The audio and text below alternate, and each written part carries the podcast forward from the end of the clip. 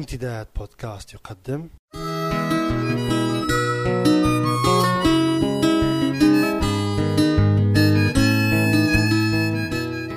رسالة من لندن. مع جمعة بوكليب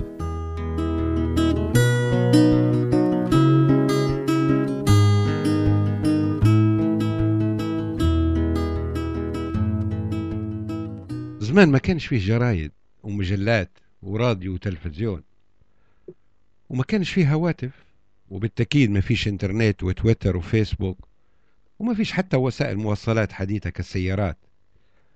لكن عدم توفر هذه التسهيلات لم يمنع الناس من التواصل ولهذا السبب اخترعوا شيئا سموه البراح. وهو رجل من أهم مواهبه أنه يمتلك صوتا جهوريا. وهو أيضا رجل معروف للناس في منطقته والمناطق المجاورة. مهمته واضحة ومحددة تتمثل في إبلاغ الناس بما يجري في المنطقة والمناطق المجاورة من أحداث اجتماعية ختان زواج وفاة إلى آخره. وكانت الحكومة أيضا تستخدم البراح لتوصيل المعلومات للناس. وأذكر أنني رأيت في حياتي كلها البراح لمرة واحدة. كان ذلك تقريبا في أواخر الخمسينيات من القرن الماضي وكنت صبيا ولم يعرف قلبي بعد حتى معنى كلمة وطن. فما بالك بكلمة أكثر مرارة وأشد تعقيدا تسمى منفى. لا أعرف على وجه التحديد أي ساعة من النهار كان ذلك لكني أذكر أنني كنت ألعب مع أقراني في وسعية براس بالمدينة القديمة حينما رأيت رجلا يقود دراجة ثم يتوقف بدراجته في وسط الوسعاية بشكل ملفت ومفاجئ. كان يرتدي جردا تحته فرملة سورية بيضاء ويعتمر معرقة الأمر الذي يفهم منه ضمنا أن الوقت كان صيفا. ثم بدأ يعلن بصوت جهوري عن شيء ما لم أعد أتذكره لكني أتذكر أنه بدأ أو أنهى إعلانه بهذا القول. الحاضر يعلم الغايب. وما زلت أتذكر أنني دهشت لحالة السكون المميت الذي اعترى جسد الوسعاية الخافق بنبض الحياة لدى سماع الصوت. لم يستمر الأمر على ما أذكر لأكثر من دقيقة ثم فجأة غادر البراح على دراجته مثل ما جاء وبمجرد رحيله عاد الضجيج إلى الوسعاية. لكني على ما أذكر أيضا ظل نبض قلبي يلهث في صدري كجرو صغير من شدة الاستثارة مما حدث. في هذه الحلقة وعبر هذا البرنامج الإلكتروني في عصر الإلكترون اخترت أن أستغل ما قدمه لنا العلم الحديث من وسائل اتصال وأعمل براحا وسأحاول أن أقتفي ذلك البراح في عمله وأبدأ بالقول. الحاضر يعلم الغايب والماشي يقول للجاي راهو منذ الشهر الأول من عام 2011 ميلادي تعتبر كل أنظمة العسكر والجنرالات في كل العالم العربي التي بدأت منذ بداية النصف الثاني من القرن الماضي فاقدة الصلاحية وغير صالحة للاستهلاك البشري.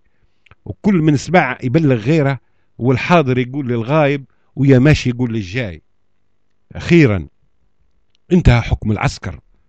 انتهى زمن الرعونة والعدوانية وانتهاك الإنسانية. انتهى حكم الجنرالات اللي ورونا نجوم في القايلة وحولوا نهارنا ليل وليلنا إلى كابوس والكابوس إلى حياة متكوبسة. حقبة مريرة ومرة من حياة العديد من الشعوب العربية وصلت نهايتها الدموية المتوقعة. من داخل رحم الاستعمار خرج لنا ما صار يسمى بأنظمة الاستقلال الوطنية وهي أنظمة مدنية بسيطة وفقيرة سرعان ما أطاح بها العسكر كي يتولوا مقاليد الأمور. البداية كانت في مصر عام 1952 وآخرها كان في موريتانيا منذ سنتين أو ثلاث فقط. موضة حكم العسكر لم تكن حكرا على العرب بل طالت أيضا الدول الأفريقية ودول أمريكا اللاتينية وشملت حتى بلدان أوروبية غربية مثل اليونان. واستنادا إلى رأي المؤرخين والمحللين التاريخيين والسياسيين فإن حكم العسكر يعد أهم مخلفات الاستعمار على أساس أن الاستعمار حكم بيد من حديد وعن طريق جنرالاته ولم يترك في البلدان التي استعمرها أي تقاليد ديمقراطية فهناك حاكم يمثل الإمبراطور أو الملك في البلد الأم وهو في كل الأحوال جنرال عسكري يدير المستعمرة بالأمر العسكري واللهجة العسكرية الصارمة والركيكة. السؤال الذي لا مفر من مواجهته هو إذا كان العسكر نتاج طبيعي لحكم الاستعمار فماذا ومن يا ترى سيكون الخليفة لحكم الجنرالات؟ الحقيقة أن حكم الجنرالات لم يكن مختلفا عن حكم الاستعمار في المحصلة النهائية لكن ذلك لن يمنعنا نحن الرابضين على خطوط مواجهة من الحلم بوطن يليق بنا ويتسع لنا جميعا ويصون كرامتنا.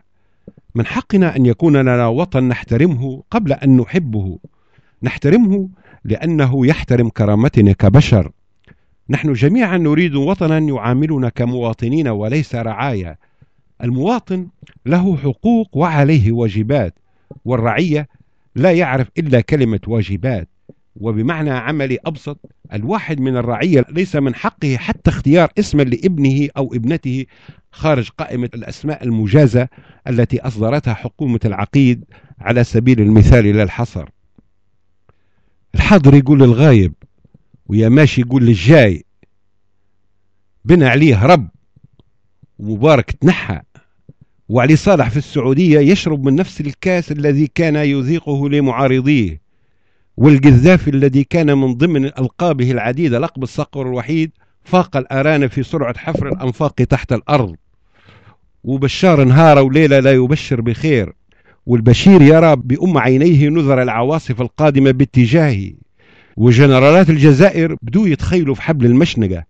وجنرال موريتانيا المتخلف عقليا والذي أرفض عن عمد حتى معرفة اسمه قاعد يعوم في الرملة. اللي سمع يبلغ غيره والحاضر يقول للغايب ويا ماشي يقول للجاي حكم العسكر في مزبلة التاريخ وغير مأسوف عليه.